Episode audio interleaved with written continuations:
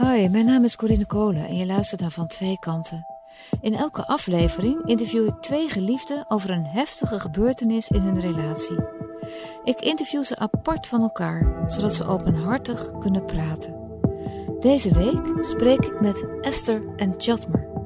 Na de geboorte van hun eerste kind dreigde hun wederzijdse aantrekkingskracht totaal te verdwijnen. Ze waren zo in beslag genomen door het ouderschap dat ze zich alleen nog vader en moeder voelden. Esther en Chatmer raadpleegden een therapeut en gingen op ontdekking.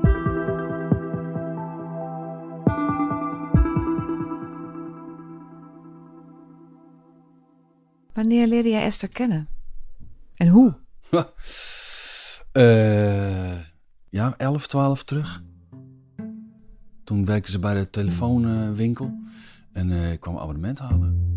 En ik was daar met mijn zusje en toen dacht ik ineens, uh, of ik liep de winkel uit. En toen zei ik tegen mijn zusje, moet ik hier wat mee? Het was echt een hele leuke verkoopster. En dat ik dacht, goh, dat is eigenlijk toch wel heel leuk. Ja, hoe? En, uh, en dat, dat, ja, dat mocht eigenlijk niet. Maar toen heb ik hem zijn, uh, zijn telefoonnummer heb ik, een, uh, heb ik gebruikt om hem een berichtje te sturen op zijn verjaardag. Met als uh, afzender het meisje van de Orange. Ja, we zijn in contact geweest en um, afgesproken. Een tijd ook weer het contact even niet gehad. En op de een of andere manier hebben we elkaar weer gevonden. We hebben het in het begin vrij rustig aangedaan, eigenlijk al in de weekenden. En na een tijdje was het gewoon een half jaar naar drie kwart jaar nou, was het gewoon klaar. Was het gewoon dat we ook wisten, dit is goed. En toen stonden we bij de bushalte en toen zeiden we, nou, we kunnen ook gaan trouwen. Ben jij iemand die, die er dan van overtuigd is dat dat zijn grote liefde is? Of denk je, nou, er, er zijn misschien nog wel meer grote liefdes in je leven? Ha. Um, nu denk ik dat er meer grote liefdes zijn. Toen wist ik, um, ik wil er alles aan doen om deze vrouw aan mij te binden. Het trouwen was alleen om de liefde vast te stellen. Om te zeggen, dit is mijn vrouw. Nee, ik, ik ben wel van overtuigd dat hij mijn grote liefde is. Maar ik heb ook wel de overtuiging dat ik meer dan één grote liefde zou kunnen hebben. Um, ik merk wel dat op het moment dat we zijn getrouwd, dat het mij heel veel zekerheid verschafte. Ik was wel onzeker, uh, toch bang om hem kwijt te raken, om uh, alleen te komen staan of iets dergelijks. Het trouwen heeft mij daarin wel rust gegeven. Ben jij wel eens bang om alleen te zijn? Ja, absoluut. Ja, ik heb een grote angst om alleen te zijn. Ja. Heeft zij die angst ook? Ja, dat denk ik ook. Ja, het, het, het bood me heel veel rust dat we waren getrouwd. Dat ik niet meer um, bang was dat hij mij zomaar kon verlaten dan had hij daar echt moeite voor moeten doen. En dan dacht ik, oh, maar dan, dan zal het wel goed komen. Waarom was je bang dat je verlaten zou worden? Omdat ik. Oh, dat is een heel, diep antwoord, maar ik ben, ik ben bang dat iedereen me verlaat. Dat zit er ten diepste, ben ik bang wel een beetje in. Nou, een beetje, nee, dat zit er heel erg in. En waar ja. ben je dan bangste voor? Ja, er niet bij horen. Alleen komen te staan. Waar hoor je dan niet meer bij? Waar? Bij wie? Niemand. Niemand hoeft me meer. Wanneer begonnen de problemen bij jullie? Ik, uh, ik denk toen onze oudste een jaar of 1, 2 was. Wat gebeurde er? Zij werd moeder en ik werd vader. Ik ging me veel meer verantwoordelijk voelen voor het bestaan wat we opbouwden. Uh, niet meer ondoordachte keuzes maken. En uh, het, het, gewicht en de verantwoordelijkheid werd vele malen groter. En Esther werd echt moeder. Dus die. Uh, ik wil niet zeggen dat ze iets verloor, maar er kwam wel iets een beetje meer in de ijskast te staan. Wat? Het, uh, um, het vrouw zijn. De bubbeligheid die ze kan hebben, zeg maar. Dat, dat, dat, dat, dat was een stukken minder. Het omslagpunt was toen ik in verwachting was van Wart en um, op een gegeven moment Wart ook kwam. Ik, was, ik voelde mezelf een moeder, ik voelde mezelf een broedkip en ik voelde me niet vrouw, ik voelde me klein. Ik, ik maakte mezelf door mijn kleding ook kleiner en ik was zo op zoek naar het moment om mij weer vrouw te voelen. Hij vond jou wel aantrekkelijk nog? Ondanks Ja. dat moeder... Ja. ja, hij heeft mij daarin altijd, zoals hij dat zelf aangeeft, en daarin komt hij voor mij altijd heel geloofwaardig over, dat hij, dat hij mij mooi vond en lief en aantrekkelijk. En ik voelde wel dat daar natuurlijk dingen onder zaten, dat hij mij ook reet irritant vond en vervelend. En ik kon doorzagen over dingen tijden en tijden lang. Ja, dat is ook niet leuk. De avonden dat we op bed lagen en dat ik merkte, ik heb ruimte, het gaat goed. De kinderen, de kids hadden een goede dag gehad en het liep allemaal lekker. En dat er enigszins ruimte was om toenadering tot Esther te zoeken. En dat Esther de, ik miste Esther de vrouw en vond Esther de moeder. En waar ik het contact zocht, ook fysiek, werd het eerder, ehm goh, wat doen de kinderen het goed en wat is het fijn. En wat ik miste was dat ehm, ik voelde me als man ook minder gezien. Ze sprak me aan op het papadeel, terwijl ik behoefte had om als, ja, als man, als aantrekkelijke man gezien te worden. Maar wat miste je dan? Het, het gezien worden als, eh, als aantrekkelijke vrouw. En hij ziet me wel zo, maar zo voel ik me niet. Daarin, het- het- zijn manier van benaderen is essentieel anders of, of is wezenlijk anders. Dat we daarin gewoon heel lastig bij elkaar komen, dat is nog steeds een punt. Waar ik na de, laatste tijd achter ben gekomen is dat als ik eh, fysiek contact wil, dat ik het nodig heb dat dat heel rustig aan opbouwt. En ik merk als ik daarin niet forceer en niet te snel ga, ja, dan ben ik er instantly en dan kan alles voor mij ontvouwen en dan is in principe alles er. En, eh eh en Chapmer heeft vaak wat meer haast. En dan, dan verliezen we elkaar. Ik heb haar lang kwalijk genomen dat zij de deur dicht hield. Maar ondertussen was ik degene die eh, veel te hard op de deur sloeg. En eh Chapmer en ik wisten niet goed met z'n tweeën hoe we het daar samen over konden hebben. Wij waren het niet gewend om dat te delen. En om te zeggen, ik mis je en eh, hier heb ik behoefte aan en, en waar ben je? Waren jullie daarvan bewust? Nee, nee, nee, echt niet. Totdat het, ehm totdat Esther ook eh, contact met anderen zocht. En daarin wel als vrouw werd gezien.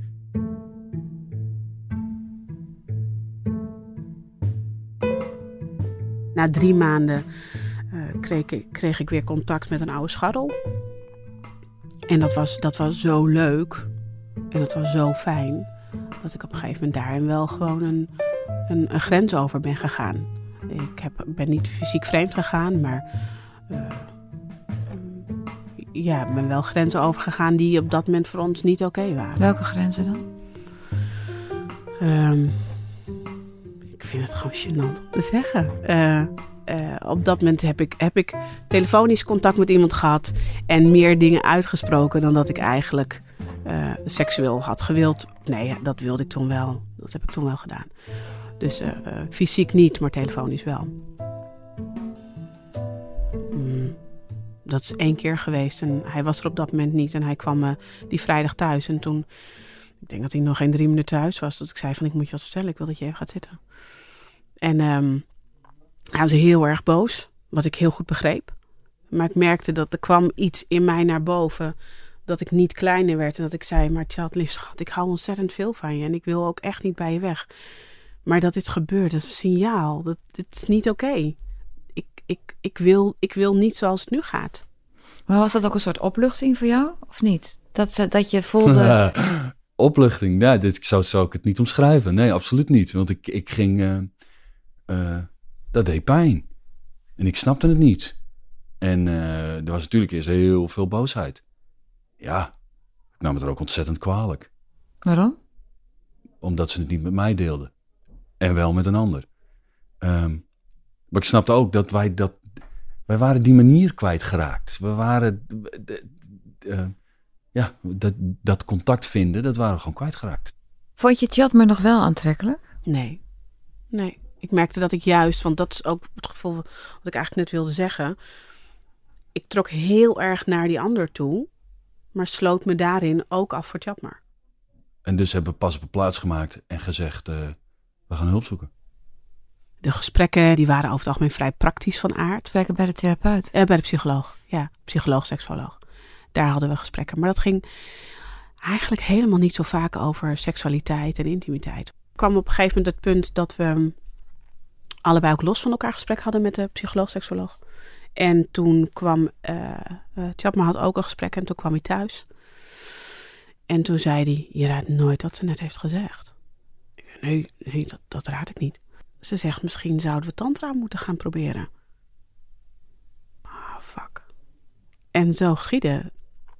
Dit was eind van dat jaar en uh, in januari, februari hebben we de introductieweek gedaan. Vertel eens wat er gebeurde in die tantra-cursus. Hoe, hoe moeten we dat ons voorstellen? je komt binnen. Ja. Je ziet een zaaltje of een, waar iedereen op de grond zit. Zo stel ik het me voor. Met kussentjes en zo. Met kussentjes. Ja, ja, absoluut. Ja. En we drinken allemaal thee ook.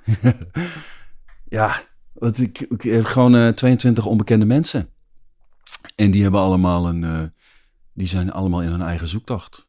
En wij kwamen daar vanuit de relatietherapie als, als aanrader. Uh, in therapie is het gesprek, deze vorm. We hebben het erover. En daarmee komt de maat van bewustzijn. Maar hoeven dingen niet te veranderen. Want als we een beetje slim zijn, kunnen we het er heel goed over hebben. En bij de tantra is het ervaren. is het onderzoeken. is een weg van onderzoeken. Um, en dan kom je in situaties die vervelend zijn. Eh, de eerste oefening is, is eigenlijk alleen maar om iemand in de ogen aan te kijken en dan voelen wat het met je doet. Wat ik heel sterk herinner was een oefening waarin we um, Esther maakte een beweging met haar hand naar mij toe. En het enige wat ik moest aangeven was wat het met me deed. Um, ik voel dat ik het ongemakkelijk vind. En, uh, uh, ik merk dat ik het grappig vind. En ik begin te lachen en al die dingen. En toen het contact was en haar hand was op mijn hart. En dan, dan mag je nu weer loslaten en mag de hand weer terug. En toen merkte ik de, dat ze afstand nam. Omdat ze bewoog naar me toe. Dat deed ze tien minuten over, een kwartier. En vervolgens weer terug. En daar werd ik mij bewust van hoe, hoe enorm ingewikkeld ik het vond. Eh, pijnlijk dat ze me losliet. Wat maakte ook dat ik voelde wat er bij mij zat. En waarom ik soms heel krampachtig kan reageren. Alleen maar omdat ik niet wil dat ze weggaat. Ja, je bent bang om alleen gelaten te worden. Precies dat. Er zijn oefeningen geweest die we samen hebben gedaan, die bij mij ineens heel sterk naar voren brachten dat ik tegen hem zei: Ik, ik wil niet meer voor je zorgen, maar ik heb zo het gevoel dat ik voor je moet zorgen. En hij brak bijna open, waardoor hij zei: Ik wil zo graag dat je niet meer voor me zorgt. Hoe zorg jij dan voor hem? Um, zeg maar, pas wel goed op jezelf. Um, uh, heb je daar wel om gedacht? Bijna moeilijke rol. Hoe is dat nu? Dat is in essentie nog steeds wie ik ben. Maar ik laat me er niet zoveel meer toe verleiden. Waar ik voorheen, als hij in een gesprek zat, hem continu onderbrak omdat ik het beter wist dan hij zelf. Daar weet ik nu gewoon, het is, het is aan hem. Hij zal, ik kan zijn leven niet voor hem leiden. En dat heb ik heel lang voor hem, daarin voor hem willen zorgen. Wat dan? Wat, wat deed hij dan in jouw ogen niet, niet uh, oké? Ja, de kinderen is nog steeds een dingetje dat hij, als hij weinig ruimte heeft, dus hij, heeft, hij is druk met zijn werk bezig geweest. En dan komt hij thuis en dan, dan kan hij aan tafel zitten als een legerleider en daar gewoon vertellen hoe het allemaal moet. En dan is er geen ruimte voor de kinderen om te spelen, om, om hun verhaal te doen. Want het moet allemaal snel, want er moet snel gegeten worden en er moet wel adequaat gehandeld worden. Wanneer was dat voor het laatst? Vanochtend toen ik vond dat de kinderen veel te lang duurden met eten. En we moesten ze naar school brengen. En we moesten hier naartoe. En we hadden het druk. En dan word ik een soort knorrige man. En dan zegt ze, Tjatme, wat ben je aan het doen? En vaak heeft ze daar ook gelijk in. Ik hoop dat je dit er wel uitmonteert, dus ik ga er heel snel over door. maar, uh, Hier beginnen we mee. uh, ja. Wat heeft Tantra voor je gedaan? Dat ze uiteindelijk, als we dat niet hadden gedaan, denk ik dat het dat we een heel functioneel huwelijk hadden gehouden. Of nee, meer nog hadden gekregen.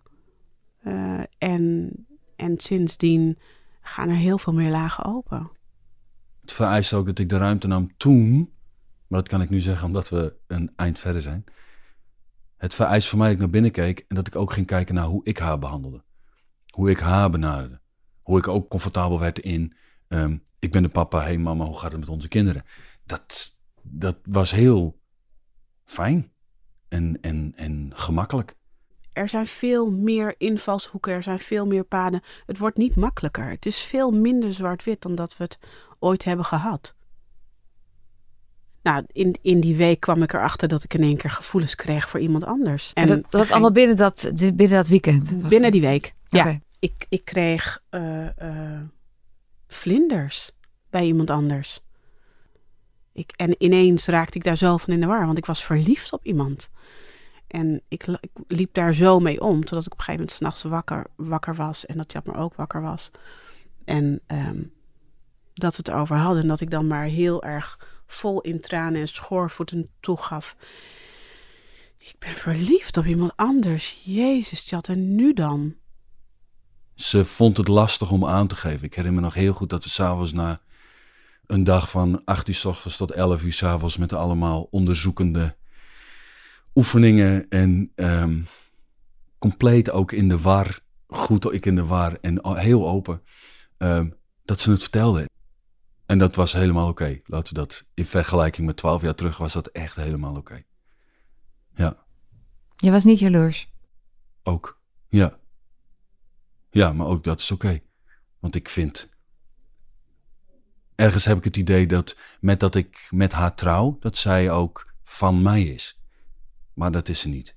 Dat, zo werkt het niet. En dat vond ik zo bijzonder. Maar we hadden hele duidelijke afspraken wat er wel en niet fysiek kon. Onze grens lag bij uh, een kus kon er gedeeld worden met iemand anders en kon geknuffeld worden bij iemand anders. Uh, zoenen met tong was niet. Um, aan een ander zijn genitaliën zitten was ook niet de bedoeling. En uh, ja, daar lag de grens. En dat hij zegt, je weet wat de grenzen zijn, ga daar gewoon niet overheen. Maar echt helemaal oké. En er waren deelrondes en toen kon ik het ook delen. En dat op dat moment de dame die daar was en die het zeg maar leiding gaf, die zei, ja, verliefdheid is echt iets prachtigs. Verliefdheid is echt heel erg mooi. Het is van jou, laat het er maar zijn. Nou, daar heb ik heel veel moeite mee gehad. Dat ik denk van ja, ja, dan laat je het er zijn en dan. Ja, ik voel dat, dan wil ik het ook terug. Kom even.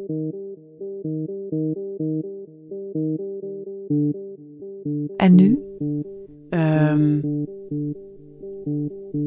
ik zit nu op het punt dat ik niet genoegen wil nemen met minder. Ik wil, ik wil contact en ik wil ook intimiteit. En ik wil me de vrouw voelen die ik ben. En als wij dat niet met z'n tweeën kunnen, dan gaan we zoeken naar een manier waarop we daar dichterbij komen. Ik weet dat ik verliefd op iemand anders zou kunnen worden. Uh, dat is ook helemaal niet erg als ik verliefd op iemand anders word. Maar wat zou daar dan fysiek wel of niet in mogelijk zijn?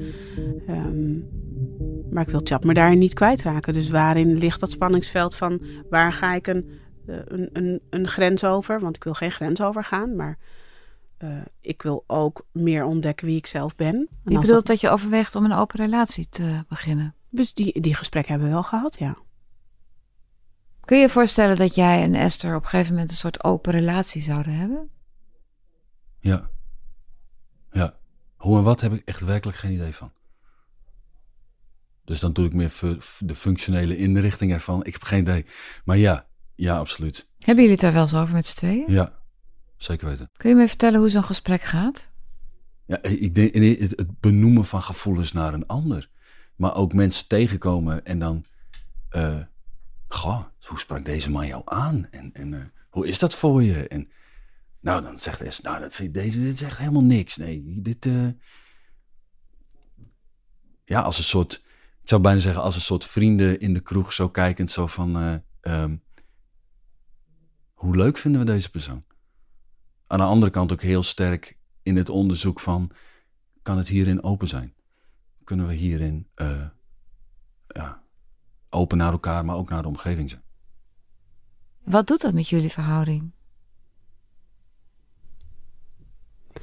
Dat we uiteindelijk nu dichter bij elkaar komen te staan. Want alles is er. Het, de, de, leuke dingen, de pijn, het verdriet. En elke keer als ik merk, hé, hey, ik kan het gewoon met Chatmer delen, dan sta ik weer dichter bij hem.